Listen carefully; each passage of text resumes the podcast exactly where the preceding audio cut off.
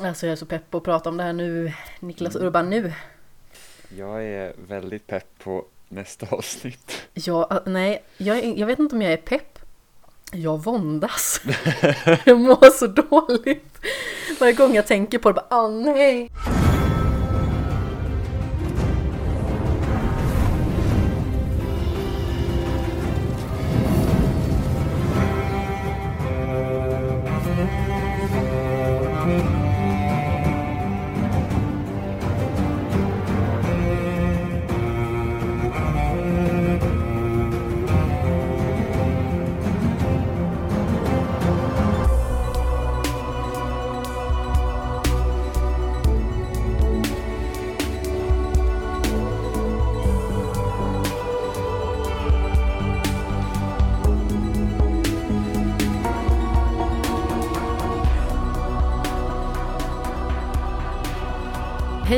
Hjärtligt välkomna till elfte avsnittet av Skämshögen. Tillika det andra avsnittet av Shame of Thrones med mig Amanda Sten och med Jimmy Seppele. Hallå! Nej men hej. Det, ja, det var ett avsnitt kan man väl säga. Det var ett avsnitt. Det, en, jag är ändå lite förvånad över hur stressad förra säsongen var och sen har man tagit två avsnitt till att bara så här, nu kör vi det ganska lugnt. Jag tycker det är så skönt att de faktiskt har liksom valt att ta den tiden ordentligt. För det behövs.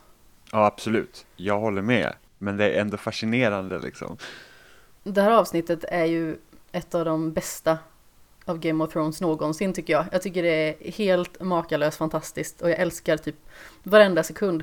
Mycket beror nog på också att Cersei inte är med en sekund, Euron inte med en sekund och man bara så här, vad skönt att ni inte är med. Jag gillar ju Cersei, men jag skriver under på Euron för att han, usch. Men det är så skönt att de inte är med för då slipper man liksom bli lite sur på något sätt. Ja, och sen så vad ska de fokusera på där borta? Hon är ju helt själv. Ja, Vem ska hon liksom så här typ ha sitt moment med? Hon bara, man får se typ henne titta så här snett på Euron och bara, ugh, vad är jag med? exakt. Jag känner typ att, att Cersei och Eurons relation är lite som typ Tormund och Brienne, förutom att man gillar Tormund och Brienne, mer eller mindre. ja, Men det är så åh. framförallt så har inte Tormund och Brienne legat med varandra. Nej, det är sant. Och deras, deras relation är lite, den är lite roligare att kolla på medan den här mellan Euron och eh, Cersei faktiskt, den är så himla plågsam. Ja, men allt med Euron är plågsamt för han känns så jävla onödig. Ja, förbaskade dansk. Ja. ja, eller hur? Jag visste att det var något fel med honom. ja, Å andra sidan, Jamie också. det är han, men han, han är också tysk, lite tysk. Hon- har en grej för danskar alltså. Mm, Ja, men eller hur? Vad är detta? Ja, Alla Eh. pölsemän. det roligaste med det här avsnittet ändå tycker jag, och det, det vet jag, nu har inte du spelat Mass Effect. Men det här avsnittet kändes väldigt mycket så här innan sista uppdraget i Mass Effect när man går och pratar med alla i sitt crew. Och man säger bara, oh my god, den här resan vi har varit på. Så det var fantastiskt. Ja, men jag har hört det av flera andra också, att det liksom känns som det sista man ses och det sista man rår om varandra innan slutstriden, innan allting går åt fanders. Ja, ja men verkligen, för alltså huvuden kommer rulla i nästa avsnitt. Det, liksom, det, finns det kan inte finnas någon annan utväg. Det skulle kännas helt orealistiskt om typ alla skulle klara sig. Det kommer de ju definitivt inte göra. Och det kommer förmodligen vara, alltså av det här gänget så finns det ju ett antal karaktärer som man vet att det spelar ingen roll om de dör. För att det är liksom, de har gjort sitt. Men det kom, jag tror ändå att det kommer finnas några så här riktigt stora dödsfall också. Som man är liksom så här, oh shit, liksom. Ja, definitivt. Jag känner som enorm vånda inför nästa avsnitt. Lite grann så är jag naturligtvis sugen på att se det, jag är pepp på att se det. Men varje gång jag tänker på det så gör det lite ont i magen och bara nej, åh. Och jag är, jag är Vill så inte. pepp. Alltså jag, jag redan när vi liksom satte igång avsnittet i, i måndags, så här, jag, så här, jag längtar redan efter nästa vecka. Så jag, vill, jag är så gärna nyfiken på att se vad som händer. Jag är också nyfiken, för samtidigt som sagt det här avsnittet var så otroligt älskvärt. Så jag såg det gladeligen en gång till och liksom bara kände att jag fick mysa ordentligt med avsnittet. Framförallt bara för att nu visste jag ju att det kommer inte hända någonting ondskefullt överhuvudtaget i det här avsnittet. Så jag kunde liksom bara sitta så här och massera mina egna fötter och klappa katten. Känna mig allmänt nöjd. Ja, och just det att man liksom, det är ett sätt också för en själv att kunna reflektera liksom den här resan som karaktärerna gått på. Var de kommer ifrån och var de har hamnat. Ja men verkligen, det finns ju väldigt många olika delar i Game of Thrones som eh, började så otroligt annorlunda men som har tagit sig någon helt annanstans nu. Ja, verkligen. Vi kan ju börja till exempel med att avsnittet inleds ju med att Jamie Lannister har kommit till Winterfell och han liksom står inför Daenerys och Sansa och Jon mm. och i stort sett vill, ja men lite granna benådas och vill bli inkluderad i liksom deras stridsstyrka. Han har kommit dit på eget bevåg utan Cerseis armé och vill liksom vara med och kämpa för de levande. Mm. Jag tycker det är så fint. Ja, ja alltså det är liksom jag tror vi pratade om lite den här förra veckan här med att han kom in i slutet och vi undrar liksom att det, det kommer ju vara någon konflikt med att han kommer dit med tanke på vad han har gjort liksom. Ja, han har gjort mycket, mycket dumma saker. Men samtidigt, jag tycker att det som han säger faktiskt är väldigt bra väldigt kärnfullt att de var i krig när många saker hände. Mm. Alltså det är ju ingen förutom Bran och Jamie som vet att han liksom knuffade honom ut från ett fönster. Men ja, och bidrog till liksom. att dra igång allting. Ja, men definitivt. Alltså det är typ en stor faktor med att Alltså det är egentligen, den handlingen är ju största orsaken till att de hamnar i krig från första början. För att det ledde ju sen till att Littlefinger försökte få Bran mördad. Vilket gjorde att eh, Caitlyn Stark drog till Kings Landing. Och fångade Tyrion. Precis. Så att eh, det är liksom, det är ju nästan startskottet. Ja, men det är det som är den lilla snöbollen som bara mm. spinner vidare och blir större och större. Men samtidigt så säger han ju liksom det att när han dödar Daenerys pappa till exempel eller när han eh, attackerar eh, Ned Stark. Alltså de är i krig och alla beter sig svinigt mot varandra och han skulle aldrig gå tillbaka och göra om det. Eller han skulle, skulle han gå tillbaka så skulle han inte göra det ogjort rättare sagt. Mm, nej men precis, nej men det tycker jag eh. också är bra för då står han ju också för liksom att det är de valen jag gjorde och det här var varför jag gjorde dem och jag skulle, ja, inte göra, alltså jag skulle fortfarande göra om det för att det är så det är ja. liksom. Så jag tänker liksom inte be om ursäkt för att jag gjorde det. För att jag gjorde det av liksom rätt anledningar och det var för min familjs skull. Mm. Så jag tycker faktiskt att eh, det är väldigt bra att han liksom inte lägger sig platt. För det hade blivit lite fånigt nästan. Utan han, liksom, han står för det han har gjort, han står upp för liksom, sina egna värderingar. Och faktiskt att liksom, Cersei har lurat honom och han känner sig sviken. Ja, men liksom det här med att prioriteringar känns väl lite som att det, det skulle nästan kunna vara liksom en mening han säger, liksom alla, vi måste prioritera rätt saker. Det var ju det som var problemet för han och Cersei. För Cersei var ju såhär, ja men vi, vi låter dem döda, döda dem och sen så tar vi upp resten. Och han liksom såhär, men alltså Förstår inte du vad som händer om de förlorar där uppe? Vi har ju liksom inte ens kraften att slå tillbaka, typ. Nej men precis. Så att, så att eh, väldigt... alltså jag gillar verkligen Jamies karaktär. Ja, jag också. Jag gillar Jamie jätte, jättemycket. Framförallt så tycker jag att man gillade honom i början också på något snedvridet sätt. Inte bara för att han liksom är så attraktiv och lite alltså otrevligt trevlig. Men samtidigt så är det så här liksom att han har ju vuxit också jättemycket med hela Brienne-resan till exempel. Det är ju jättefint också i det här avsnittet när hon till att börja med liksom går in och går i god för honom. Att men, mm. det här är en person som räddade mig och han förlorade sin hand på grund av det. Mm. Ja, och det är egentligen det tragiska med Jamies karaktär för att liksom eftersom alla kallar honom liksom Kingslayer och han liksom har mördat Ja men han har liksom mördat sin kung och sen vi vet ju också om att han fick ju välja antingen kunna mörda kungen eller så liksom blir han beordrad att mörda sin far och i Game of Thrones så är det liksom så att, att döda sin kung, det är liksom verkligen hög förräderi men att också döda någon i sin familj är också sett som dåligt, så att säga. Eh, och det här med att alla liksom bärsar honom för det men han liksom räddar egentligen stora delar av kungadömet genom det. Absolut, för att Aerys Targaryen är ju helt spritt galen, verkligen, Mm. vid det laget. Ja, och liksom han, han hellre smäller hela Kings Landing än att liksom ge sig. Precis. Så att, eh, och, och, och det är inte många som vet om det, Nej, att han är liksom, så att det, så att det är liksom något som är, och det är något som han brottas med också, ja. såklart. Men det känns ju nästan lite grann, alltså nu, Daenerys kan man ju vara lite tveksam till ibland, men ibland så känns det ju lite nästan som att Cersei är liksom den nya Aerys Targaryen. Det är hon som gör alla de här stora ondskefulla dåden på något sätt, alltså typ som när hon spränger The Great Sept of Baelor, som jag vet inte vad vi kallade den förra veckan, vi hade massa olika spännande namn har jag för mig, men eh, eh, den här stora katedralen skulle man kunna säga. Ja, Där... Cersei, the real MVP. Precis.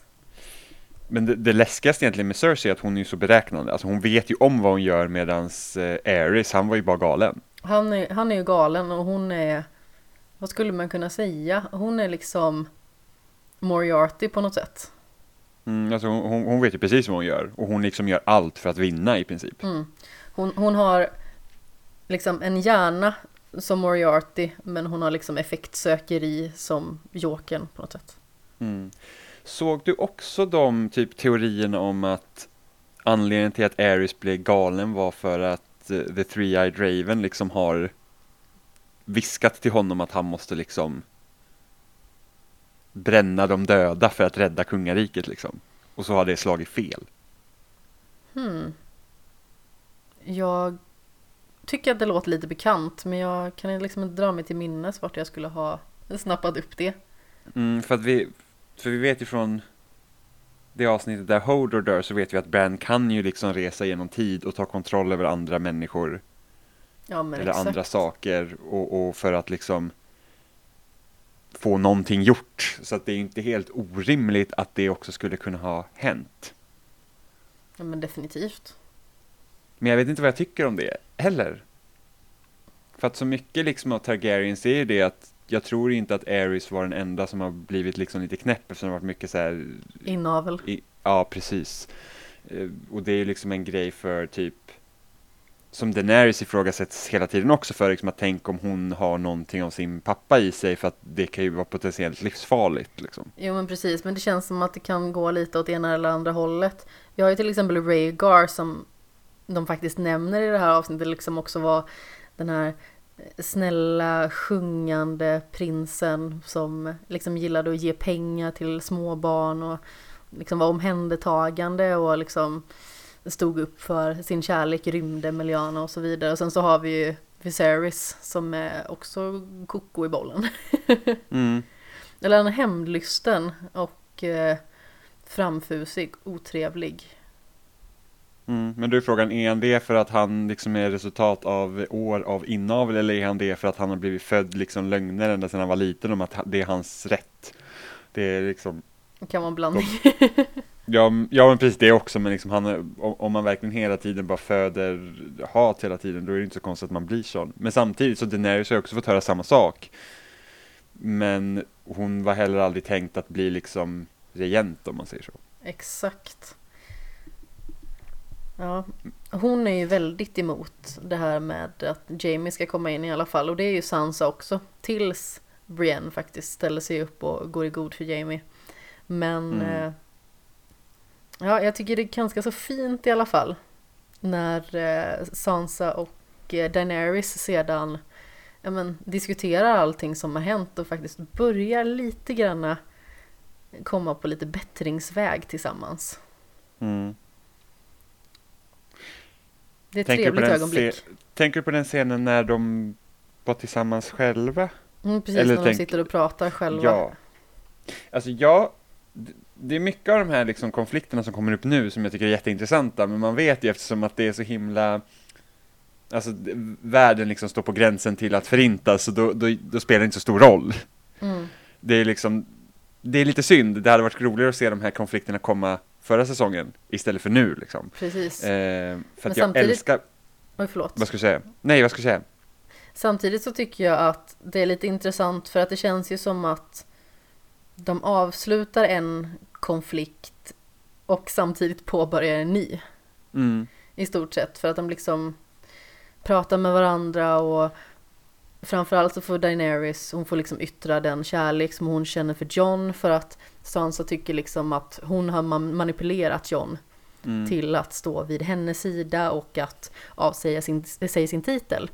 Och då vänder ju Daenerys på det och säger liksom att det är jag som har kommit upp till Norden och slåss mot alla de här för att John har övertygat mig om att det är rätt sak att göra. Liksom, vem är det som har blivit manipulerad tycker du? Mm.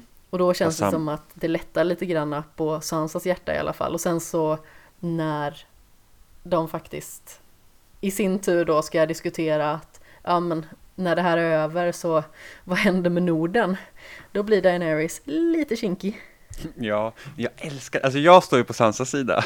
Jag, Jag- också, jag har sett att definitivt. Jag har sett att jättemånga tycker, de bara Sansa som bitch, och jag bara men alltså där är ju faktiskt en legitim liksom orosmoment för dem, för att det är så här att men vi liksom, vi vill inte höra till det här jävla stora tjafset längre, vi är liksom, vi vill vara för oss själva helt vill vara självständiga här uppe. Ja, och jag tycker det var så jävla bara så liksom, ja men vad, vad händer med Norden liksom, jag tyckte det var så jäk, ja det var bara bra liksom. Jag tyckte också att det var jättebra, framförallt så Jag tycker det är skönt att liksom sätta Daenerys lite på pottkanten För att när hon blir liksom för tillfredsställd så blir hon också väldigt arrogant Mm. Och det har jag väldigt svårt för. Jag har väldigt svårt för många av hennes drag. När hon känns väldigt nedlåtande och lite översittare och sådär. Känner att visst hon är drottning men det känns som att hon ändå står lite men, över alla andras åsikter. Mm. Ja, och sen liksom det att det ska ju inte vara så att det är inte några problem alls för henne när hon liksom kommer till det här nya landet liksom. Det måste ju vara någonstans, måste ju finnas också friktioner för det. Och sen att det finns ju faktiskt riktiga, om man alltså riktiga liksom problem som man måste ta itu med. Även om det kommer liksom en ny regent. Med tanke Ja, på vad som har hänt. Eh, så att jag, jag verkligen gillar det. Men en sak jag tycker är så himla synd med Johns och Daenerys relation därför att den, alltså när de liksom pratar om att åh vi älskar varandra så, jag ser att det har ju liksom inte synts i, i, eh, i serien. Nej, För jag, precis. jag tycker att man har liksom inte fått tid, alltså jämför typ Johns relation med i Grit och med Daenerys så är det liksom som natt och dag. Ja, verkligen. Det blir ju lite konstigt för att man får se dem ligga med varandra i slutet av sjunde säsongen och sedan får man se dem hångla lite i början av den här säsongen. Och det är liksom två avsnitt där man har etablerat deras inom citationstecken kärlek. Ja, för att det var liksom ingenting i förra säsongen förutom det sista som liksom någonsin varit som att de liksom har spenderat så mycket tid med varandra som de verkligen har fallit för varandra. För att det är liksom så här bara, så jaha, alltså det, det, det är nästan så att man lite så här, det blir lite överraskande. Liksom Men att, så här, tycker ni verkligen om varandra så mycket? ja, och jag vet att folk typ har så här kritiserat, ja de har ingen kemi med varandra, men jag vet inte om det är riktigt kemin. Jag tror bara att det inte är skrivet på ett sånt sätt så att det liksom känns som att de faktiskt har byggt upp den här relationen. Nej, som sagt, förra säsongen borde ha varit lite längre för att kunna etablera deras relation lite mer. För att det känns som att det blir ett större fall om de börjar slitas isär. Om de faktiskt har etablerat en relation. Jag har det här problemet jätteofta i många filmer som inkluderar kärlek. Liksom Mm. att det är pang på rödbetan, vi älskar varandra och sedan så är det något problem. Ehm, Ja, man liksom, känner liksom inte om man inte känner att liksom relationen byggs upp ordentligt. Man var såhär, oj då, vad hände här? Ja, det liksom gick jättefort. Eh, och, och, och med tanke på också förra säsongen var att deras interaktioner med varandra var ju oftast liksom Daenerys i liksom maktposition och John bedjar att hjälpa. Det Ja, fanns men ingen precis. personlig utveckling där, det är det som är så tråkigt. Ja, Det var väldigt kall relationen, tyckte Ja, jag. Många, och- många gånger. Ja, som, liksom, och det är ju inget konstigt med det med tanke på liksom vad orsaken var att han var där och orsaken till att hon har kommit till Westeros överhuvudtaget, så det är inget konstigt, men sen att bygga vidare på deras relation därifrån och inte få se faktiskt någon utveckling, att nu, bara, nu är det bara så. Det är lite weird. Och Ja. lite synd med tanke på hur relationen har byggt upp mellan andra. Men ta till exempel Jamie och Briennes relation. Oh wow. Det är något som liksom har pågått sedan säsong två. Och de har liksom haft olika möten med varandra under, gång, liksom under tiden och liksom det finns vissa nedslag där man träffar varandra igen liksom, så, som gör det liksom speciellt. Man kan ju ta på stämningen när de är i samma rum liksom. Ja, Det är helt fantastiskt. Jag tycker att Ja. deras relation är så fin. ja och de behöver inte ens säga någonting för att man ändå ska känna det. Exakt.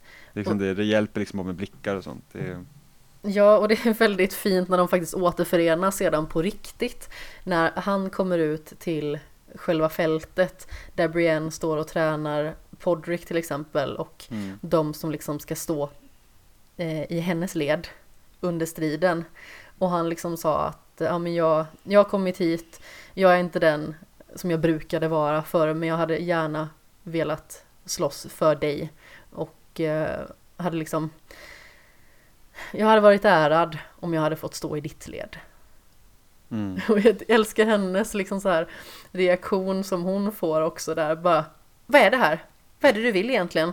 Alltså du har inte förolämpat mig i någonting. Vill du att jag ska göra det? Nej! ja. ja, men det är så himla det jag tycker om verkligen det här avsnittet också, att de, de är inte rädda för att liksom lägga in en ganska stor dos humor. Ja men det var samma i förra avsnittet. Det var väldigt mycket humor. Mm. Och känns inte malplacerat, utan det är liksom bara så här att det är så här de här karaktärerna är. Ja Så det det är liksom- härligt.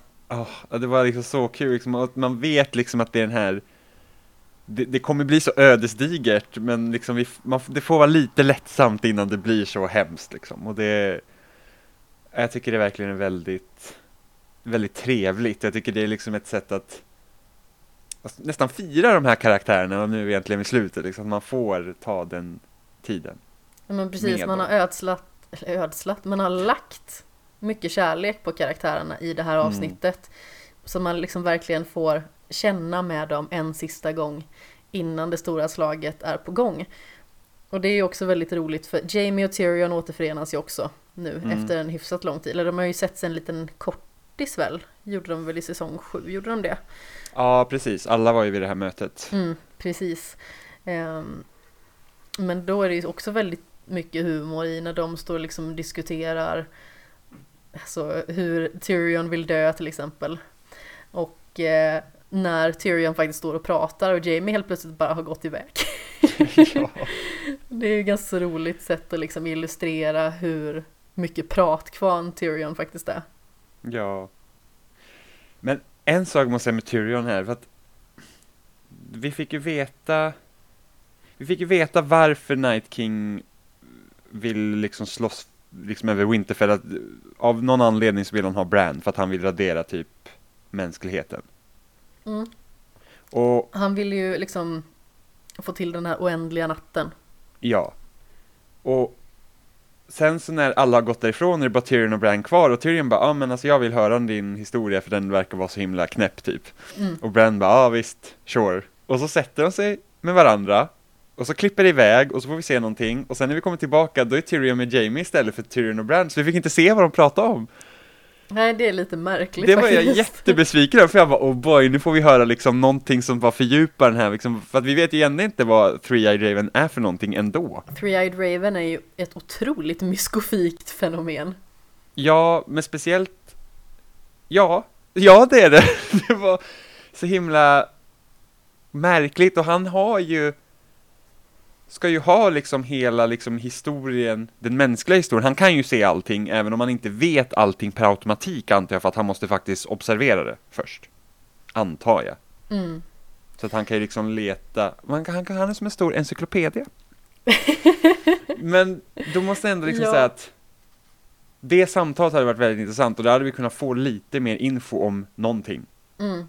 Alltså det enda vi vet om Three-Eyed Raven egentligen det är liksom att det är något form av mystiskt fenomen som vandrar mellan kroppar i stort sett. Och som kan se in i dåtid och sådär. Ehm, Ja, Och liksom kan se allting och kan se eh, liksom hur människor reagerar över olika saker. För det är ganska så intressant för Jamie kommer ju faktiskt att be om ursäkt till Bran vilket jag också tycker är väldigt stort. mm, Och det bygger ju på den här karaktären i Jamie som man gillar egentligen. Liksom att han försöker att göra gott. Han har liksom han har varit tillsammans med Cersei hela livet och de har älskat varandra. Även att hon har betett sig liksom som det största rövhålet man kan tänka sig. Men han liksom väljer att ja, men be om ursäkt. Och Bran liksom bara, jag är inte arg på dig, jag är inte arg på någon. nej, nej, precis. Jag är inte Bran längre. Ja, Och det spär ju ändå på den här känslan av att ja, men, det finns liksom ingen Bran kvar på det sättet utan det är mer ett skal. mm. Och det får man ju Det får man ju se också, liksom det här i introt När Bran från ingenstans bara The things we do for love Och Jamie ser ut som att han ska skita ner sig Ja, men verkligen. Men ja. Men samtidigt så här, om, om vi säger att nu Brand som han är nu liksom inte har liksom några känslor liksom för något. Och det enda liksom hans, det enda han bryr sig egentligen om det är ju då att hålla världen vid liv antar jag. Ja, Det måste ju vara hans roll, liksom att det är liksom att han har det kollektiva minnet av allting och hans mål är att se till att det inte förgörs typ. ja, I alla fall för Night King, men sen ändå kan han typ släppa sådana där kommentarer bara för liksom typ knipa åt någon. Det måste ju ändå finnas någon så här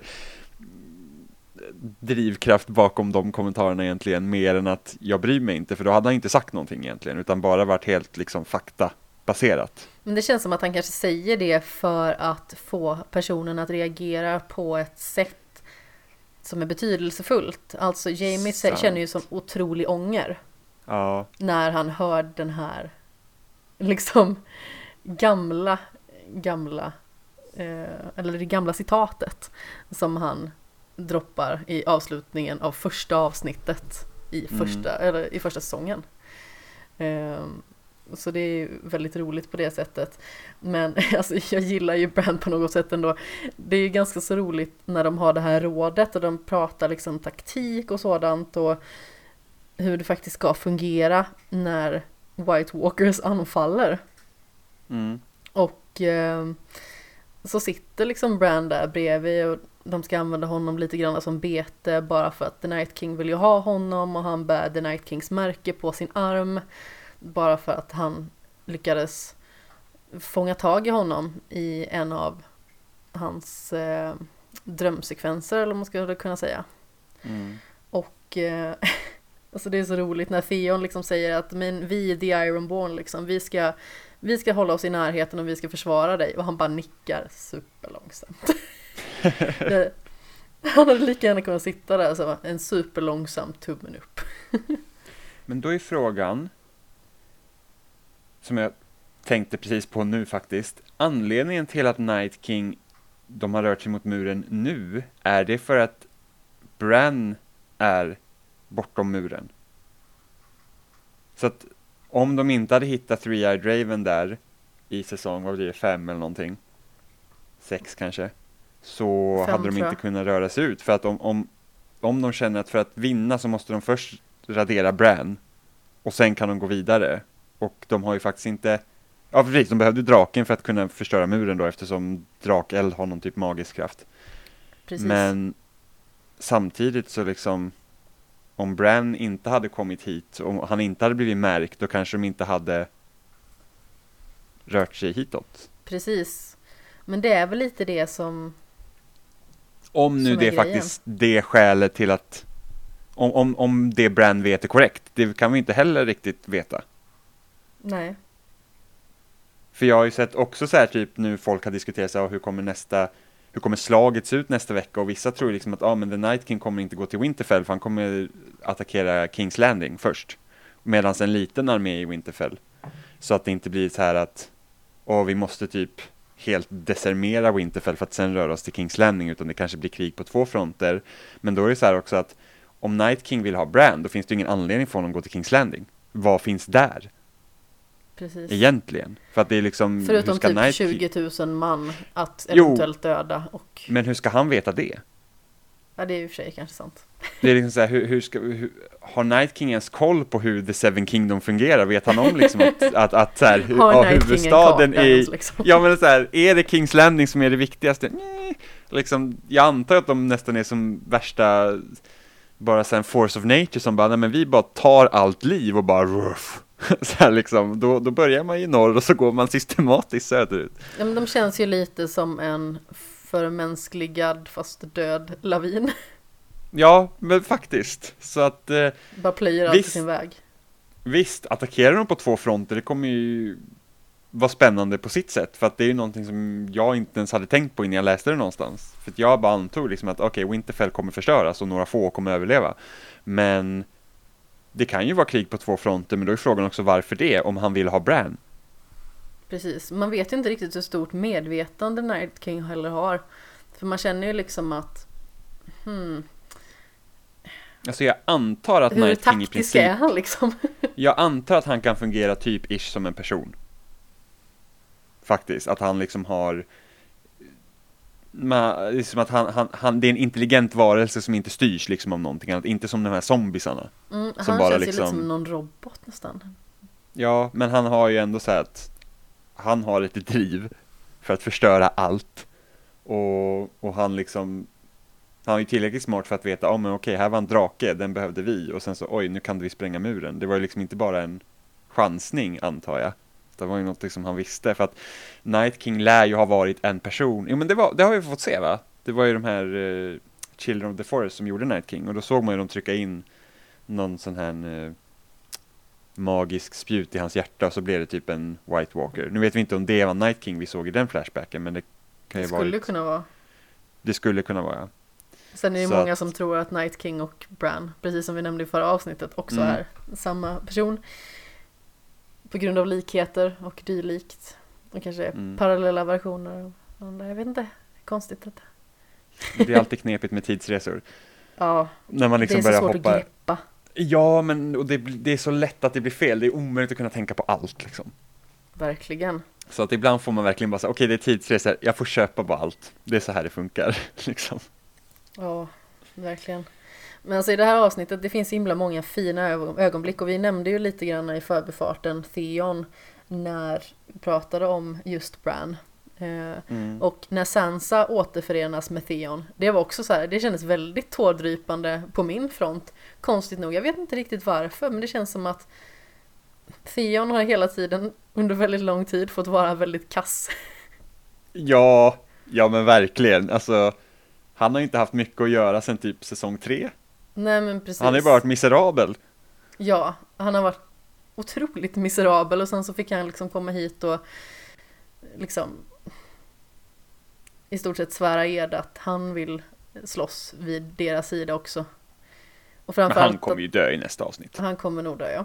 Det finns ju ingen chans att han tar sig liv efter det här. Det, nu har han ju verkligen gjort sitt, känns det som. Ja, Han har, fått, han, har, han har varit svin, han har levt miserabelt, han har fått redeema sig själv.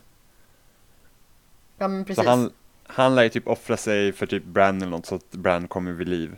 Eller något. Förmodligen kommer det vara så.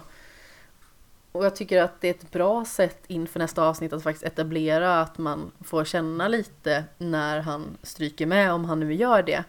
För att det mötet med Sansa, liksom när han säger till henne att jag vill slåss för er här i Winterfell.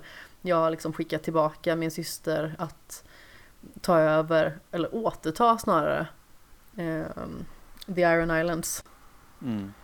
Och det är också verkligen så där, åh vad fint detta är.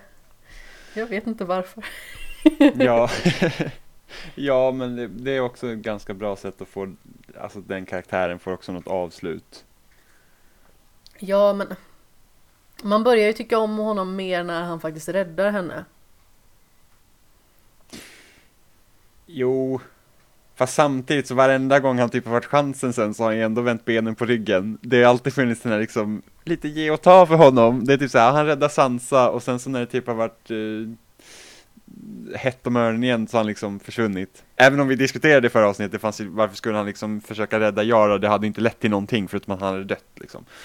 Där när hon Precis. blev tagen av Euron. Men ändå, det är alltid så här typ, Fion är en tragisk karaktär för att det blir aldrig riktigt rätt. Nästan. Nej, Vad han än gör så blir det kacka av alltihop liksom. Ja, men han har ju också varit i en sån knepig situation med tanke på att liksom han var inte, han tillhörde inte familjen Stark, han var ju deras fånge egentligen och sen hans pappa som beter sig som värsta svinet och bara tycker att Åh, mina bra söner dog och sen den här liksom eh, muppen till son Precis. som är liksom Den här penisviftade tönten. Ja men precis liksom och det är inte hans fel, han har inte gjort någonting egentligen. Det känns Så som det att han bara som- hamnat fel hela tiden. Ja, och det var ju det som var så tragiskt för att han, när han återvände då till Iron Islands i säsong, kan det ha varit, var det Tre. slutet av säsong två? Eller var det i början av säsong tre? Ja men i alla fall när han, han, han liksom vill ju att gå till Iron Island för att få med dem att slåss för Rob. Ja, Och sen så på grund av familjen så blir det liksom helt fel istället. och då blir det att han sviker Rob. Ja, och tänk, ja precis. Och, och, och det, det blir ju liksom, inte på grund av att egentligen att han är en dålig person, men det är liksom det att nu vill han visa för sin familj liksom att han är på deras sida. Och det var inte något som han räknat med heller, men han är liksom, då blir han ju kluven i mitten där mellan de två sidorna och sen så valde han fel, helt enkelt. Ja, ja definitivt. Ja, det blir lite, lite besvärligt för honom kan man väl lugnt säga. Men jag hoppas Ja. att han får dö värdigt ändå. Det tycker jag att han förtjänar. Roligt att vi så här ska dö värdigt, inte så här, hoppas han överlever, han varit med tillräckligt skit. Vi bara, nej men alltså han kan nog dö, men, men på ett bra sätt. Nej, men jag, jag tror genuint att i och med att han offrade sig att liksom sätta sig i den positionen som Brands främste beskyddare under slaget så känns det som att han ligger otroligt brun till alltså. Ja, och det känns ju att då har han liksom, han har gjort det han kan göra egentligen. Mm. Det blir liksom hans, det blir syftet för den karaktären. Det är typ samma med typ Grey Worm och Miss Sunday. Jag har ju ingen förhoppning heller att någon av dem kommer överleva för att de fick ha sitt avslut ur det här avsnittet. Åh, I princip. jag hoppas ju ändå någonstans att antingen att båda dör så att de får dö tillsammans. Eller att båda överlever och att de liksom får, precis som Miss Sunday ville, hon ville tillbaka till The Island of North. Eller North. Mm. Många, det är mycket TH, lite jobbigt. Ja. Alltså, klassiskt Game of Thrones fashion så lär de ju dö typ långt ifrån varandra och typ hemskt. Eller typ att eh, någon av dem blir så här en zombie och så måste den andra döda den ena. Åh nej. Ja, men jag tycker att de är, så, de är så fina och de känns så... De är ju så långt ifrån huvudkaraktärer som man kan komma egentligen. Ja, Men jag bara gillar de två. ja är det någon definition av supporting cast så är det väl dem. Ja, Alltså, nu lät det som att man var väldigt så här, dissande mot dem, men de är ju verkligen så att de har hjälpt till att få Daenerys dit vart hon är, men de är inte liksom stora spelare nej absolut i det inte. övergripande liksom. Och det känns som att de har också gjort, alltså det, det är liksom, dör de i nästa avsnitt så har de liksom gjort sitt, de har, de har gjort, det är liksom, de har gjort sitt syfte liksom. Ja, men det känns som att det är två stycken karaktärer som har haft alla odds emot sig hela livet liksom. Kan inte de två bara få vara lyckliga? Mm, kanske blir zombies tillsammans och sen de bara ah, Oj, oj. kan överleva för evigt. Lite som det där paret i Walking Dead som sitter fast, fastbundna i stolar. Precis, det hade varit bitterljuvt. Åh. Och lite återförening då, eh, när vi pratar om ja, relationer.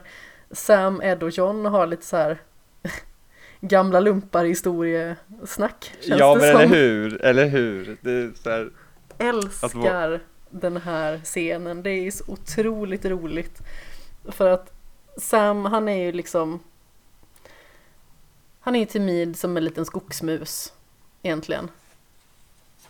eh, ja, Och det, så kan man väl säga. Alltså det är ju så roligt för att han är liksom såhär Jag har minsann också slagits mot folk Och jag har dödat en White Walker faktiskt Han känns så kränkt Jag stal Ja. böcker ja, men det här står själva böcker man bara uff. Det är lite såhär, watch out, we got a badass over here. ja, verkligen.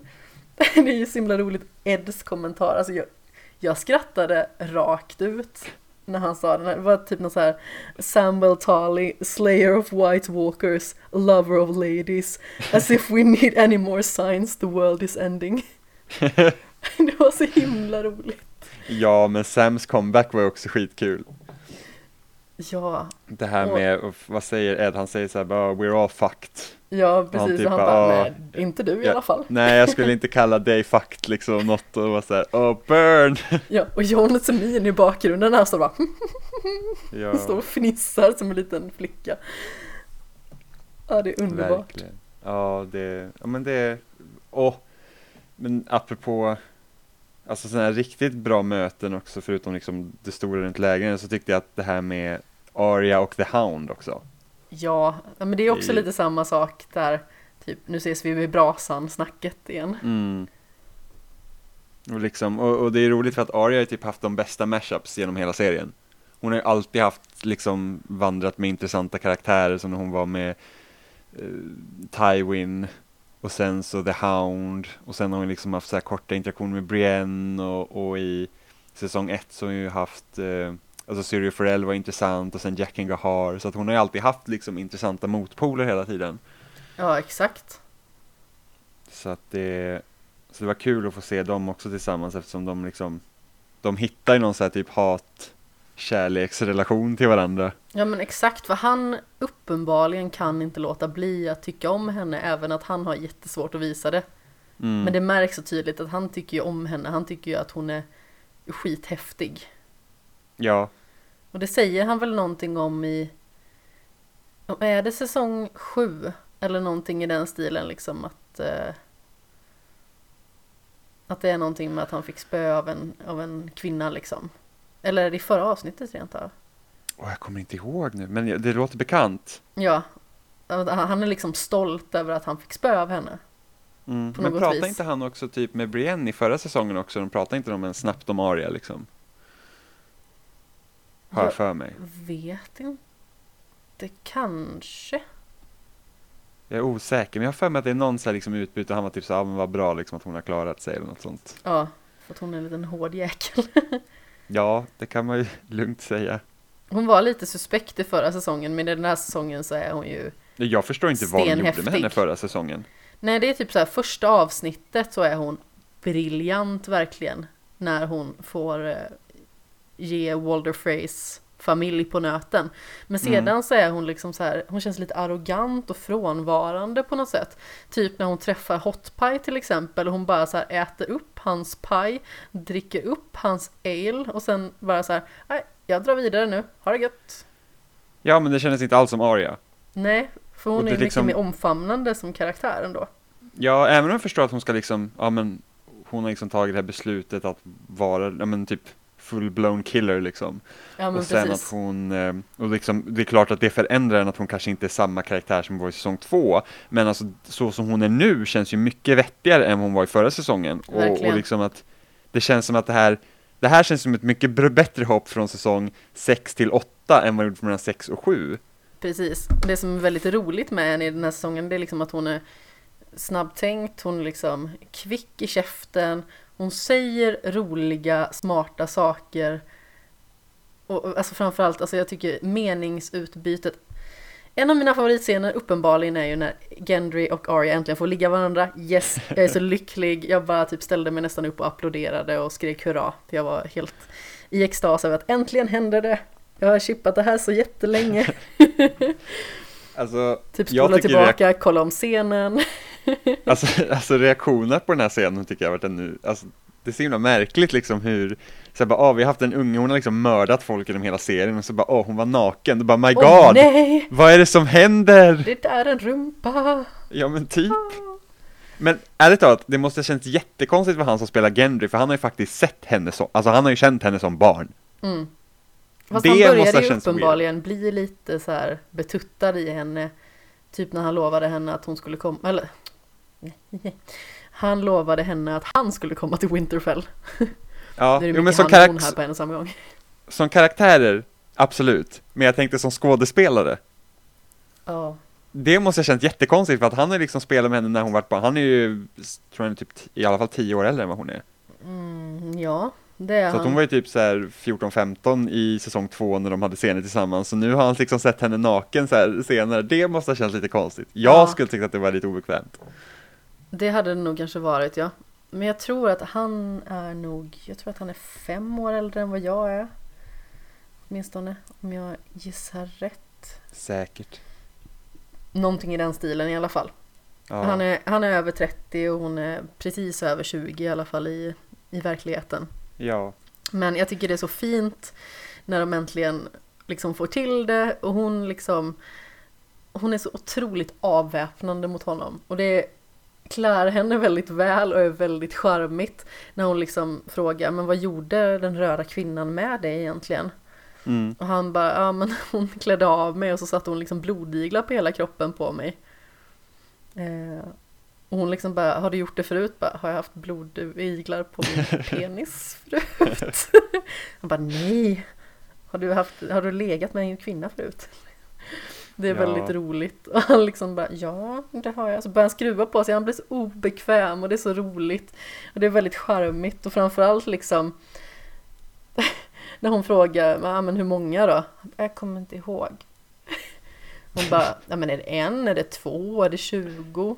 Hon bara, tre. Är det sånt? Det är så svårt att komma ihåg. Och det roliga är ju liksom när hon bara så här, det är klart att du kommer ihåg. Ja, Liksom bara, kom, det, kom igen, du, du höll räkningen. ja, men det, det är Låt oss så inse hon, det. det är rätt så kul att hon får liksom ta kommandot liksom och vara Ja men det är hon så- som är dominant i situationen verkligen. Ja men precis Det ser så roligt ut, för hon är så kort också. Hon är ju typ så här 1,50 någonting i verkligheten. Och han är ju Ja, inte hon- jättelång men det ser ju väldigt Nej gulligt men ut. alltså, hon, ser, hon, hon ser ju faktiskt väldigt ung ut, det gör hon ju Ja, men hon ser ju ändå byxmyndig ut. Det liksom ser Ja, inte ja, ja. fullkomligt Nej, nej, det- det vanvettigt inte- ut. Tycker inte det jag i alla liksom fall, som många tycker. Nej nej precis, det är inget, alltså det, det var ju typ värre när typ Littlefinger försökte kyssa Sansa liksom, det var ju såhär usch Ja, det var lite konstigt faktiskt. Ja, Sansa som sen- ändå på sin höjd känns som att hon är i ens egen ålder. Ungefär. Ja. För hon, hon är ju några år yngre. Jag tror att hon kanske är ett år äldre än vad Maisie Williams är i verkligheten. Så hon är Mm. väl typ 24 kanske eller någonting i den stilen. Eh, men hon är liksom i ens egen ålder ungefär. Men samtidigt så är det så här Littlefinger typ i ålder med ens egen pappa nästan. det blir lite skumt. ja Och sen Littlefinger är ju creepy också i, i sig själv Ja, han är Mm. creepy. Men alltså, jag kommer ihåg jag var själv 16 tror jag. När jag blev kysst av en man som var typ, ja men han kanske är 20 år äldre eller någonting. Och det kändes också väldigt konstigt. Ja, Det kändes som jag tyckte att det såg ut liksom när jag, när jag såg men- de två. För det är bara så här, det här känns fel. ja men det kan jag förstå liksom, det är ändå så här Det är ju en väldigt, alltså det är en väldig skillnad Ja, absolut. Det blir skumt. ja. Men eh, ja, de får i alla fall till det. Och innan dess en, en scen som också är ganska så rolig liksom när hon försöker få honom att förklara hur the White Walkers är. För han liksom försöker så här bara, men de är läskiga i stort sett.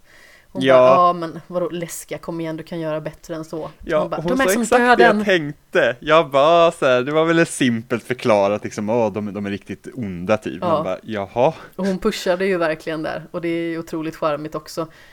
Och hon försöker ju liksom få honom att men skynda på med mitt vapen. För hon vill ju uppenbarligen, hon vill ju öva, hon vill ju känna på det lite grann. Så tar Mm. hon liksom tre stycken sådana här Dragon Glass dolkar och bara kastar dem prickar i stort sett på samma ställe. Han bara jajamän, ska bli frun. Ja. ja men det är, det är, alltså, ja, det är nice med Arya som värsta killing machine liksom. Ja, men hon är ju häftig på något sätt. Jag gillar henne så otroligt mycket som, karak- som karaktär. Mm. Alltså hon kan ju inte dö i nästa avsnitt, det blir jag grymt Nej. besviken. Det kommer hon inte.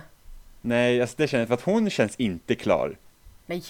Hon har fortfarande sin lista, den är mycket viktig tycker jag. Ja, och sen så behöver hon ligga med Gendry lite till så han kan inte dö heller. Tack så mycket. Ja, Gendry kommer ju dö. Nej, sluta säga Jo, så. jo, Gendry kommer dö, det, det kan vi vara helt sluta säkra på. säga så. Han får inte dö, då blir jag jätteledsen. Jag blir jätteledsen faktiskt. Undrar, men undrar om vi kommer få se alla dödsfall eller om det kommer vara massa med karaktärer som är typ MIA bara. Jag tror, jag tror man att man riktigt åtminstone vet. kommer få se att de har fallit. Mm. Kanske det inte ska- det exakt kanske när kom- de faller. Det kanske kommer till en sån punkt där man liksom säger att okej, det, det, det är liksom ingen tvekan om att där dog massor liksom. Mm. Ja, hur fan ska de? Ja, det blir spännande här med, med, med, med draken. Om Night King är i Winterfell nästa avsnitt. För att alltså, den måste ju kunna göra ordentligt med skada. Ja, definitivt. Nu har ju Daenerys två drakar, men liksom, det är inte som att de drakarna kan skydda liksom bara typ blåsa bort eld som kommer ur en annan drake. Ja, jag tycker det är så jobbigt att se Viserion varje gång. Jag, blir liksom så här lite deppig för när, när draken dog och blev återupplivad till en odöd, jag, jag, jag blev ju ledsen, jag grät ju. Och typ Mm. kramade min egen katt och var så här, Åh, lilla, Åh. lilla vän, du får inte bli en odöd. Ungefär. Odöda. Nemo liksom. Ja, En, en tjock ljusblåögd katt som bara vaggar omkring här inne. åh gud, bara så här typ Waiting for the long night. Ja, Men katter är för lata för att göra något åt det, de bara hoppas att någon annan ska lösa det problemet åt dem. ja exakt. Åh. Åh, himmelpannkaka. Nej, jag, jag känner återigen, alltså den våndan inför nästa avsnitt. Vilka tror du kommer att stryka med?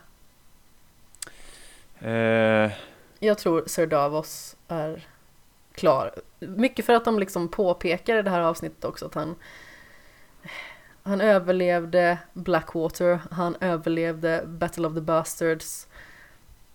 Han är liksom The Onion Knight, han har åstadkommit otroligt mycket från ingenting i stort sett.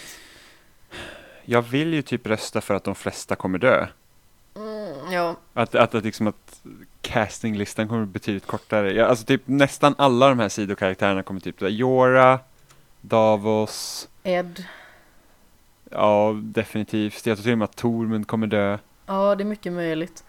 Jag tycker att hans min är så roligt för de har ju liksom sån här bra samling. Det är ju när Tyrion och Jamie sitter vid brasan från början och sen så kommer liksom Podrick och Brienne in och sen så kommer Sir Davos in och värmer sin rumpa mot elden och sen så kommer eh, vilka är det mer? Ja, det är Tormund också. Och han liksom, han ser så glad ut, han bara ja, vi kommer dö i natt. Men åtminstone dör vi tillsammans. Och så kollar han liksom på Brienne och ser så här dumglad ut. Ja, men alltså, det Lite är som typ en en hund som vill att man liksom ska kasta benet åt honom. Ja, men det är typ en av de bästa Åh. liksom scenerna i hela avsnittet när de sitter runt elden där och de liksom får prata med varandra och liksom de verkligen reflekterar över hur långt de har kommit och att alla Ja. de har liksom vid något tillfälle slagits mot varandra. Ja, men det om något är ju verkligen så här lumparhistorier eller the final mission liksom. Mm. Alltså det är så himla charmigt och så himla roligt. Och han liksom bara så här, vet ni varför jag kallas för Giant Spain? Ja, och allt för att så imponera på Brienne också, det funkar ju inte för någon. Alla andra är så här bara eh, typ, och han bara fortsätter så här berätta helt så här absurda historier och sen han tar sin här bägare med vad som nu finns i den och bara som dricker och det bara typ rinner överallt och alla bara fortsätter stirra och bara så här, alltså det här är så awkward. De bara liksom, vem är den här människan ens? Ja, men Vad eller hur? gör För det, han? för det är typ ingen, okej, Sir Davos känner vi honom typ lite, men annars har han inte liksom haft någon interaktion med någon annan där egentligen. Och han är ju liksom uppenbarligen jätteförtjust i Brienne. Det är så himla roligt. Det är typ det första han säger när han kommer Ja. in. Han bara, är den stora kvinnan kvar? Ja, the big woman. så bara, Låter jätteupphetsad. ja, verkligen. Det, det, men han är så himla, det är så himla gulligt på något sätt faktiskt. Det går, jag men kan inte beskriva det på annat juvenil. sätt. Han känns som Ja. en liksom stor tonåring på något sätt liksom som har spanat in superhetaste bruden i klassen på något sätt och han måste till varje pris imponera på henne. Ja, Hon liksom tycker bara att fan vad är det här för konstig kuf som förföljer mig? ja, och han gör liksom, även om han berättar så här kan ju vara typ osmakligt så gör han inte på ett osmakligt sätt Nej, ändå. det är jätteroligt. Ja, det är fantastiskt roligt. Han tycker liksom själv bara att det här är imponerande, det här måste imponera på Brienne.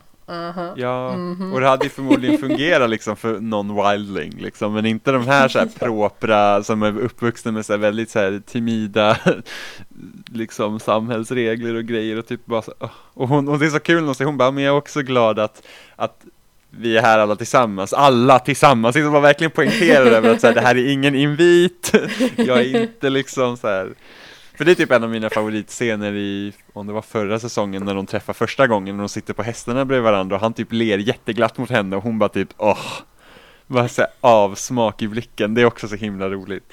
Ja, det är ju fantastiskt. Mm.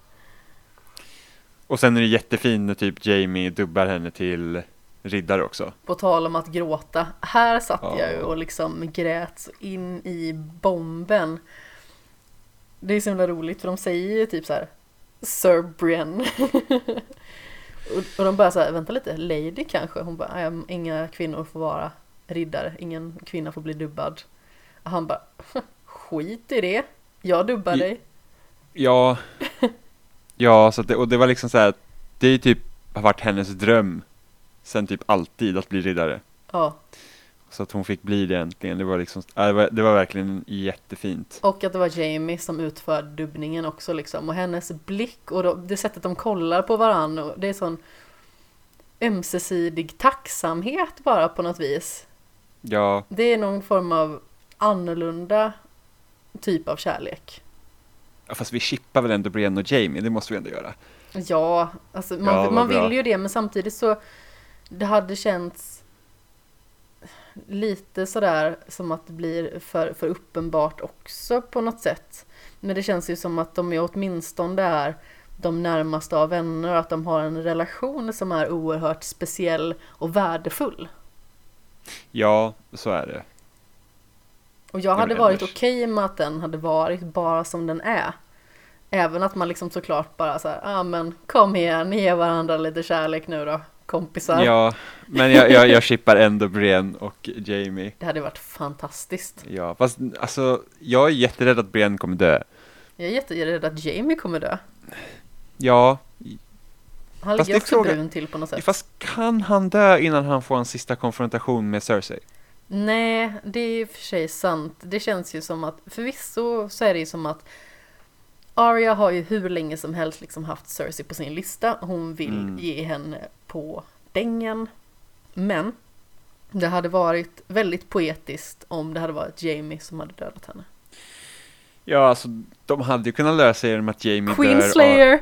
och, och Arya tar, ja men gud, Jamie bara rackar upp alla sina Slayer-titlar. det är liksom, Det är han Men- och Sam ja men precis, han har så här typ, ja men du vet så här när man, så här simmermärkena som man kunde få. Sådana har Jamie på så här, Kingslayer Så att det, det, det är det han sitter och putsar på.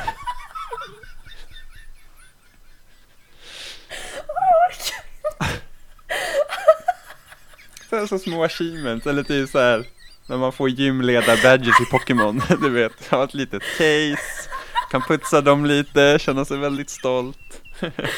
Simborgarmärken! Åh, Borde så här utveckla sådana nu, så här fina, och jag fick kramp. Aj. det hade varit, det hade varit, men de hade kunnat lösa med att om Jamie dör så tar Arya hans Dör. ansikte. Ja, sant. Fast då får inte Jamie den konfrontationen, men då får Cersei tro att Jamie kommer dit och sen kan Arya döda Cersei som Jamie. Mm. Men hur gör The Faceless Men egentligen när, för att Arya är ju väldigt liten. Ja, Hur, eller hur? Liksom, det, det går ju inte bara så här, bara, ja, men med, typ jag byter ansikte och har lite förklädnader så ser jag exakt ut som någon annan. Jag Mm. undrar hur det är liksom lårmässigt hur det fungerar. Jag kommer inte ihåg hur de förklarar eh, hur man byter ansikten i böckerna. Precis. Men eh, det känns ju lite som att om det skulle hända så känns ju definitivt Little Fingers, The Faceless Men teori helt borta. Det känns som att det hade varit lite fånigt om de hade två stycken så här. Nu kommer The Faceless Men in och bara sopar bordet med alla. På något sätt. Ja. För det är ju teorin att han betalar en kvinna eh, för att hon ska vara eh, en sån här faceless och stå framför dem som eh, Peter Baelish. Mm. Och att det då är den här kvinnan som blir avrättad och inte Littlefinger. Med andra ord. hade det varit i böckerna så hade jag köpt den teorin. Jag vet inte om de hinner göra det i tv-serien. För att det känns liksom så här, okej, okay, Baelish, vad, liksom, vad ska han åstadkomma nu i slutet? Ja. Det är ju om han har tagit sig till Cersei. Mm. Att han liksom dyker upp som en liten vit kanin där från ingenstans och bara Ja. Ja, och sen för att han, hans mål var ju helt klart att sitta på tronen. Absolut. Vilket hemskt slut det hade varit om det visade sen att Littlefinger får sitta på tronen i slutet i alla fall. Och man bara så ja. Det var det. ja, det hade varit lite skumt nästan. Ja. Men som sagt, alltså det är en kul teori och det är en ganska så väl förankrad teori ändå. Mm. Tycker jag definitivt. Eh, för man får ju höra typ i någon form av förklaring. Alltså varför kan jag inte prata? I någon, förklarande video att Ja men den här kvinnan säger typ någonting i stil med att din tid är inne. På mm. något sätt.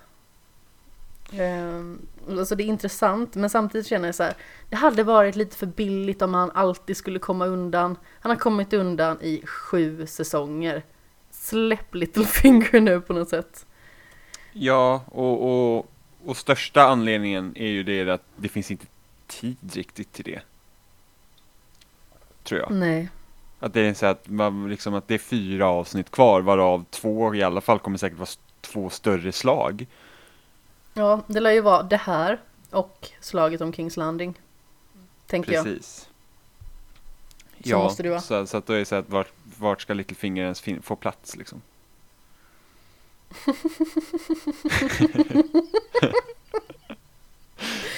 Förlåt. Ja, det, det, Snuskosaurus slår till igen. Ja, lillfingret kommer där och Jajamän. fingrar in sig överallt.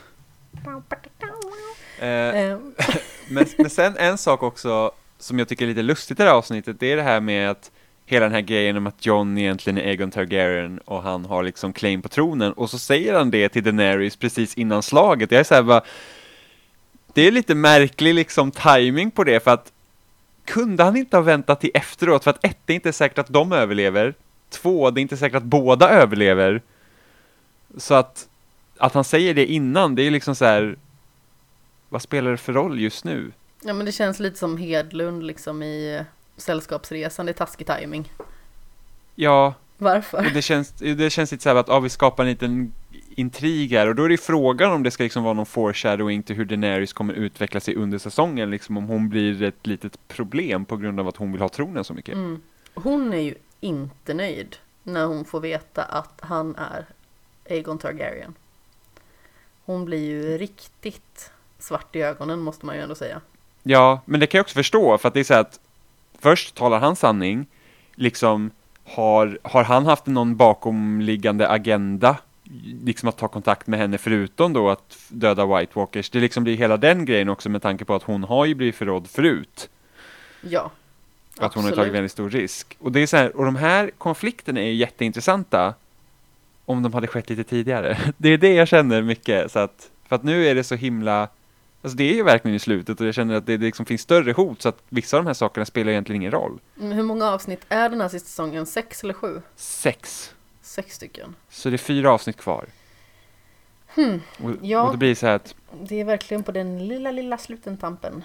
Ja, så att det blir så här att, alltså det var jätteintressanta grejer liksom, som händer, men man säger ah, vart, alltså de har ju säkert någon plan med allt det. Jag skulle inte tänka mig att de bara liksom slänger in de här grejerna för att liksom skapa någon fake-intriger mitt i. Nej, det, det tror jag definitivt inte heller. Jag, jag, tror ju att de har någon form av intressant baktanke med det hela och framförallt så mm. känner jag liksom att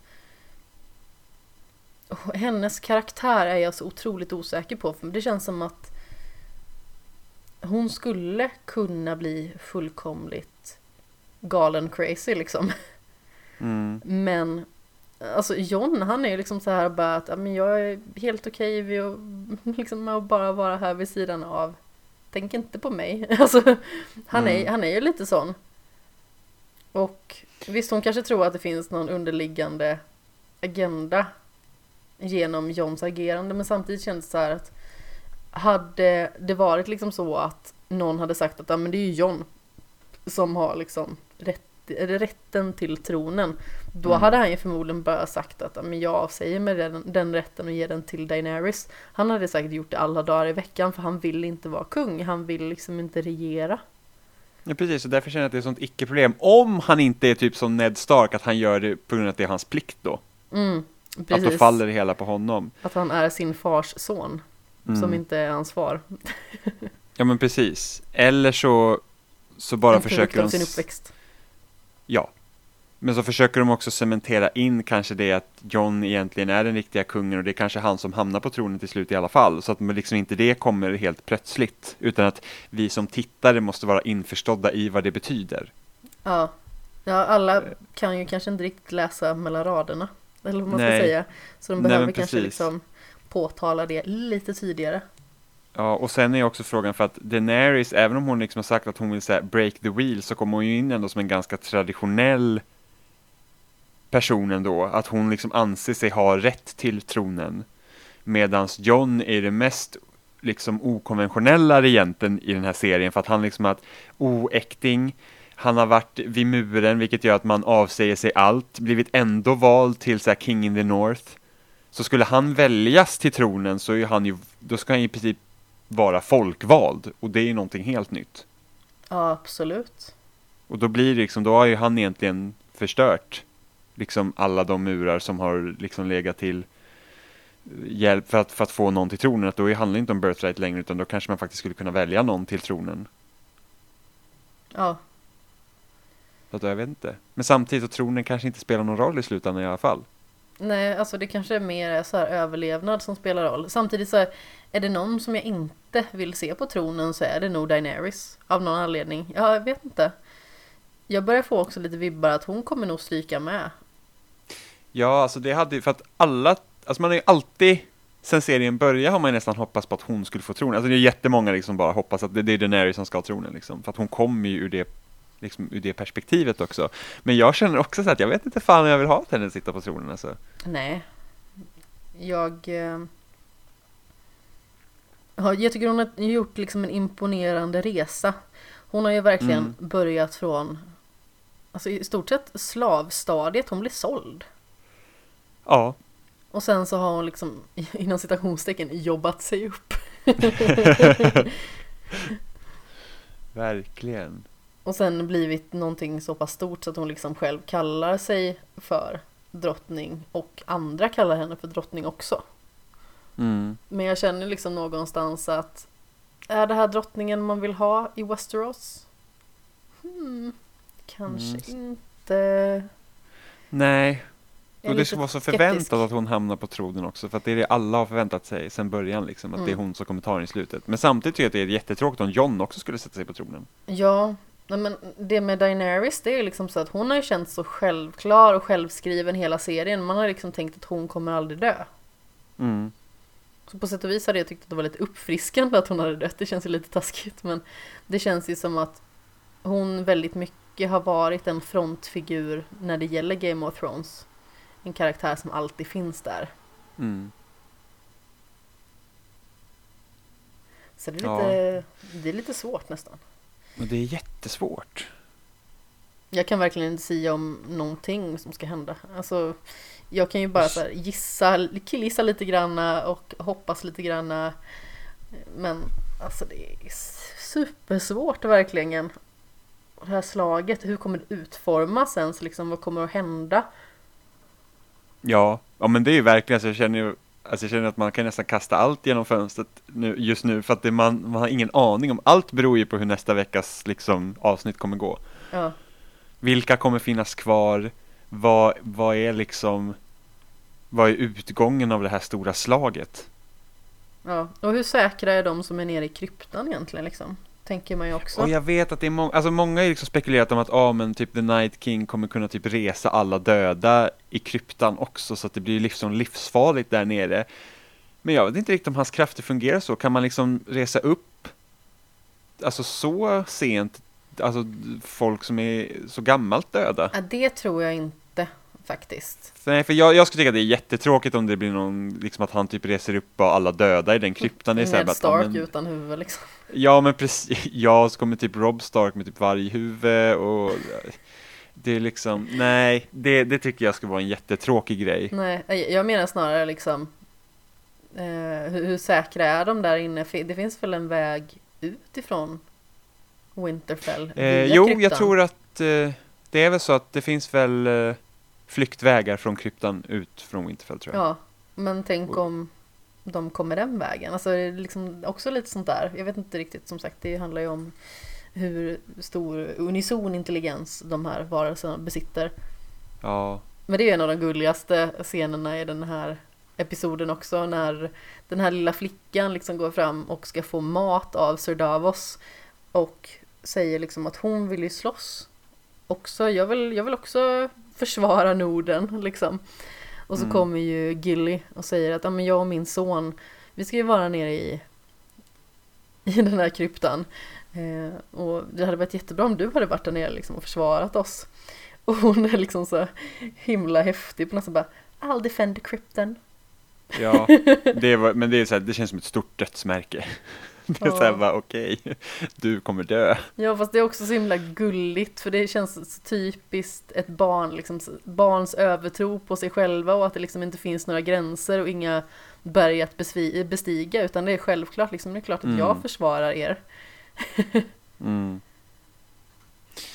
När, undrar ju- naiviteten är liksom fin där på något sätt. Ja, men faktiskt. Och sen Davos är så himla mysig karaktär. Ja men alltså kan man inte bara få adoptera Sir Davos eller någonting? Ja, Han, han är kan, han hela kan typ härlig. bli, Ja, han är jättehärlig. Sån himla, han känns, som, han känns genuint god liksom. Ja, verkligen. Och det känns ju som att hans, vad ska man säga, hans motiv är hela tiden rena på något sätt. Mm. Men som sagt, han är ju verkligen en mysgubbe. Han är liksom en sån som man hade velat skulle, skulle hålla så här bullturneringar på hallen liksom. Ja, verkligen. Stå där och En- dricka en liten whisky och mysa bredvid eller någonting. En fråga bara. Var Okej. är Melisandre någonstans? Eh, hon skulle till Volantis i alla fall. För att hennes, liksom, hon kan ju inte vara färdig i den här serien.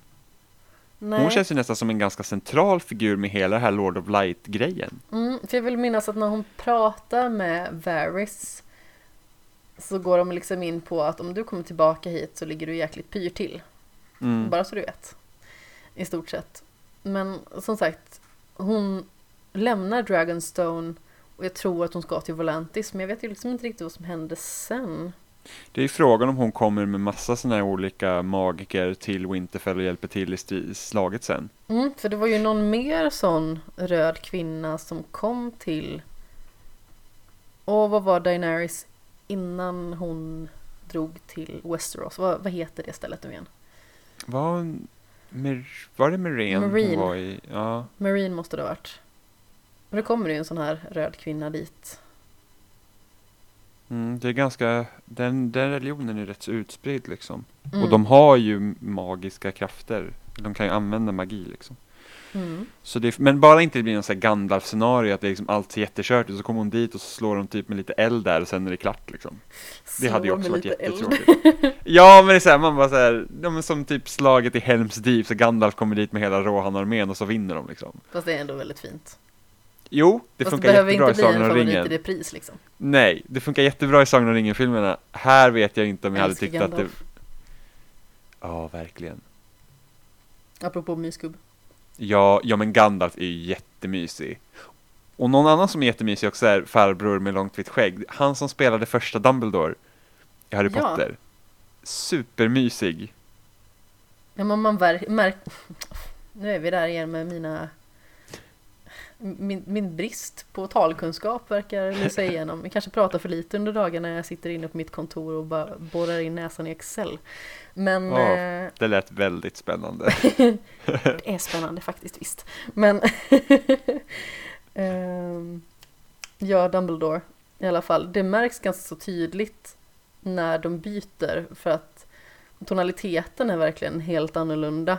I början så är han ju så lugn och timid och nästan lite så här tillbakadragen även att han kan vara bestämd. Mm. Men den nya Dumbledore blev ju lite mer så här lite, Ja, lite barsk tror- nästan. ja, och jag tror att den nya Dumbledore, eller han var liksom majoriteten av alla filmer, men han, jag tror de han personifierar lite den här knäppa sidan av Dumbledore som finns i boken. Liksom att de har typ spint vidare på det lite mer medan den första Dumbledore var just det här liksom att lugnet själv. Liksom. Precis. Gullegubben. Ja.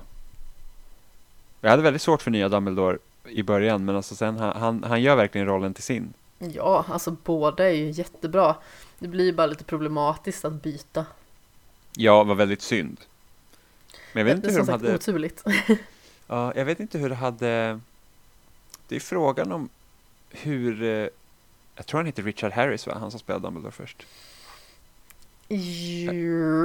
Möjligt. Jag tror Eh, det också. Ja, men jag undrar hur liksom hans Dumbledore hade sett ut genom hela serien. För att då hade jag... Det hade sett nog väldigt annorlunda ut tror jag. Ja, det tror jag också. Eftersom hans, hans porträttering av den karaktären var så annorlunda. Ah, ja, nog om det kanske. ja, Eh, vad har vi mer att prata om i det här avsnittet? Ja, alltså jag vet. På tal om skäggiga män, återigen till eh, Tormund. Det är också väldigt roligt när de pratar just om den här eh, riddargrejen liksom att ja men ja, jag, jag fick liksom inte vara riddare för jag var kvinna. Så, I'd knight you ten times over. Så, det är kod för någonting annat. ja, verkligen. I'd knight you. Det är så här, ja. Japp. Åh, åh, men det är så himla, alltså Tormund. Alltså han får inte dö, jag vill inte att han ska dö. Nej, det hade varit jätteledsamt för han är ju en sån frisk fläkt av så här pur vandrande humor bara på något sätt. Jag hade kunnat tänka mig att han dör liksom skittragiskt också. Jag, inte ens, om vi säger att de måste fly. Och, och han, jag, så, han skulle aldrig varit sån som liksom försöker fly, alltså han känns helt knäckt som karaktär. Tänk den här liksom typ maskulina biffen liksom som bara spelar på sin styrka. Och sen så måste han typ fly och så är han själv på något jävla snöigt fält och så kommer de här jävla döda och så typ bara hugger de ner honom. Det hade varit hemskt. Jag tänker mig att det kan bli lite likadan död som när den här stora jätten dör när de tar tillbaka Winterfell. Mm, ja, det blir någon så här, och, och, typ offrar sig, liksom mer Ja, något i den stilen. Ja, det är det förväntade. Ja, det kanske det är. ja, jag hade nog velat haft det tragiska. Mm. Någon annan som jag tror kommer dö, det är ju Podrick. Ja, men han, han har väl legat på den listan. Alltså han känns ju expendable om man säger så. Ja, men hans sång var faktiskt väldigt fin. Det kändes också väldigt otippad. Jag Ja, men gillar också, alltså, Tyrion Podrick- ser ju så här bara, jaha, sjunger du? Du sjunger bra, du har inte bara en stor penis. nej men Podrick är ju verkligen så här typ The Sleeper Agent eller någonting sådär. Han han liksom så här, så här mannen med många talanger typ som ingen så här förväntar sig. Man bara, och det är Podrick. Och han så bara, aha, han är duktig på det också. Ja, okej. liksom, fine. Han är bara dålig på det enda han vill vara bra på. Men det var ju också skitkul när de, när, när de ska dricka vin där och sen Brienne bara okej en halv kopp och sen Tyrion bara ställer på massor och bara så här. Och Podrick är ju liksom så här att eftersom han var ju squire till Tyrion då har inte han liksom fått vara och han har ju varit det till Brienne också men han liksom inte hans första invigning till det här liksom livet har ju inte varit den traditionella liksom riddaren och liksom det hårda livet. Det har ju varit liksom lite mer det här pompösa och typ livet i lyx. Så att han liksom, han har fått lära sig att slåss nu med svärd också, men han har fortfarande haft, ja men ett, en kopp vin och typ inte göra någonting alls, det är också nice liksom. Ja, Det, det tycker han är jag så är roligt. valpig ändå. Ja, Typ när han ska slåss med, med John liksom och Brienne står och tittar på där med Jamie. Han ser ju liksom så valpig ut. ja. Men så här otippad karaktär har varit med så länge. Mm. Fast han Att han har liksom ju en ändå- enorm charm på något sätt. Det har han, men liksom att han ens har fått vara med i det här karaktär av relevans, för att han har ju också varit lite mer så här så jag har alltid sett honom som en sidokaraktär, liksom som man säger, ja ja men han, när inte han är med sen, då är han inte med, liksom. Ja, Så det, det är rätt så kul. ja. Vem tror du kommer dö i nästa avsnitt? Oj. Ja, vi har ju nämnt några stycken sedan tidigare. Jag tycker det är lite svårt ändå. Vi har ju nämnt till exempel, vi nämnde Ed, vi nämnde kanske Grey Worm och Miss Sunday, Theon, Jorah lär dö. Sir Jorah. Ja, det tror jag också. Och det lär ju Det är, vara så väldigt sorgligt. Daenerys, det är så Daenerys överlever, Ja, förmodligen.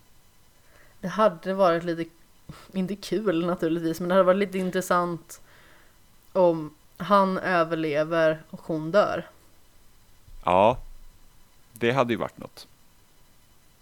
Och att det är liksom det ögonblicket där han överlever och det ögonblicket där hon dör, att det liksom är i, i samma andetag på något sätt. Mm. Kommer någon Stark att dö? Hmm. Jag, Jag känner inte tror riktigt att man är- inte det. Jag känner inte att man är riktigt klar med någon av dem. Arya måste få döda lite till. Sansa måste få göra någonting. Ja. Och John har dött en gång. Ja, alltså visst det kan ju kännas lite som att han kanske har i och med att han förenade alla liksom uppe i Norden och faktiskt tog dit Daenerys armé. Det känns ju som att visst han kanske har uppfyllt det syftet som han återupplivades för. Men samtidigt så känns det lite konstigt om han ska dö igen. Mm. Det känns ju lite som... Återupplivad igen. Och man var såhär, Ja, okej. ah, nej. ja. Börjar bli tröttsamt nu hörni. ja. Jag är lite besviken på att hans död inte påverkade karaktären mera. Eftersom det verkar vara så himla traumatiskt. Så bara, det är bara svart. Det är liksom ingenting efter det. Och att man inte har utforskat det djupare. Ja, det kunde ha gått ännu djupare, men jag tycker ändå man fick en känsla för han kändes så vansinnigt vemodig och nästan typ besviken på att han levde. När han Ja. återuppstod. Där bara, Jo, han har ju sagt det jag också ska att han inte vara Lord. Commander något mer. Hej då. Nej, och han vill inte bli My återupplivad igen. ended. Och det är fantastisk scen. Ja. Och, så bara, och sen det här med att han sagt att men alltså, det är ända tills man dör liksom. Mm. Ja men jag har redan dött. ja. Det är liksom, alltså, det är liksom helt det absurda i det hela. Jag dog! Liksom. ja. Ja.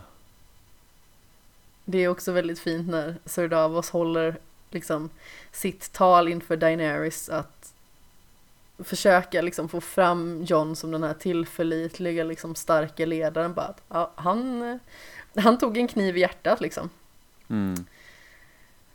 och hon bara var det på riktigt eller var det bara ett ordspråk? Ja.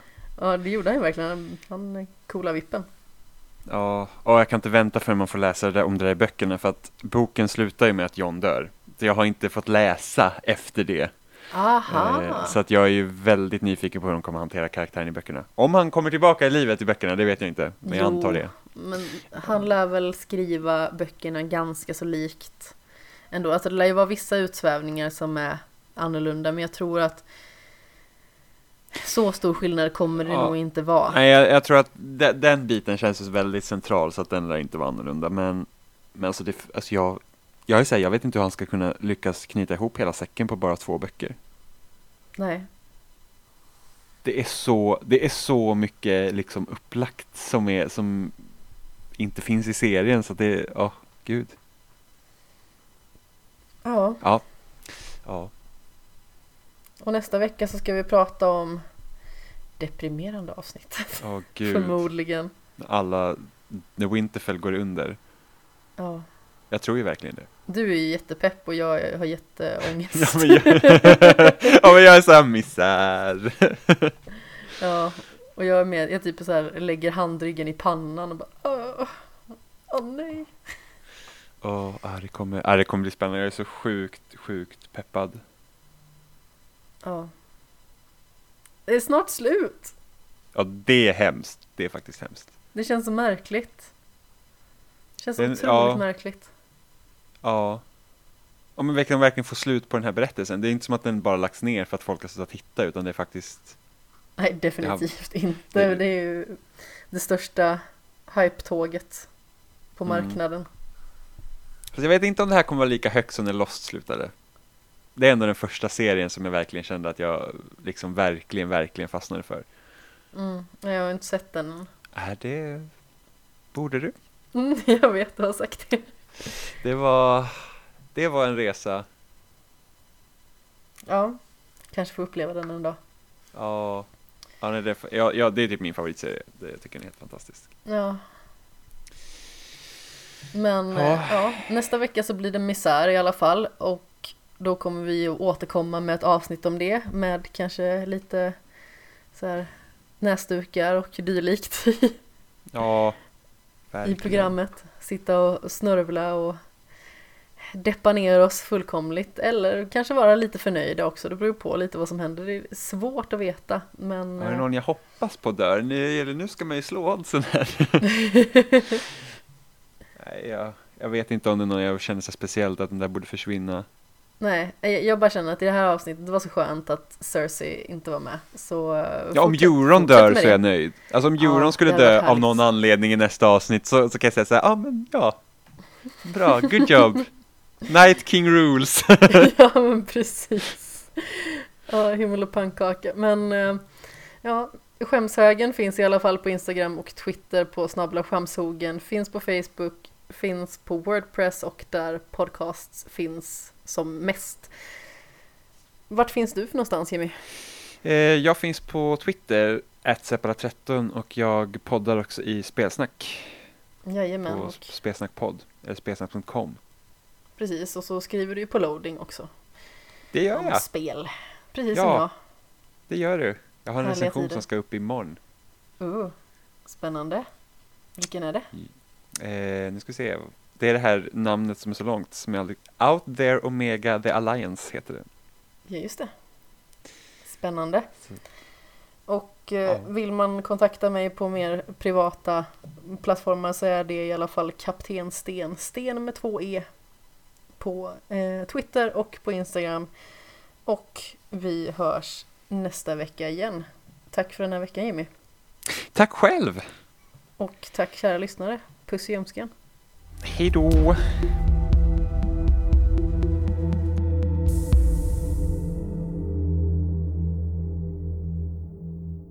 High in the halls of the kings who are gone, Jenny would dance with her ghosts. The ones she had lost, and the ones she had found, and the ones who had loved her the most. The ones who'd been gone for so very long, she couldn't remember their names. They spun her around on the damp old stones, spun away all her sorrow and pain. And she never wanted to leave, never wanted to leave, never wanted to leave, never wanted to leave. Never wanted to leave, never wanted to.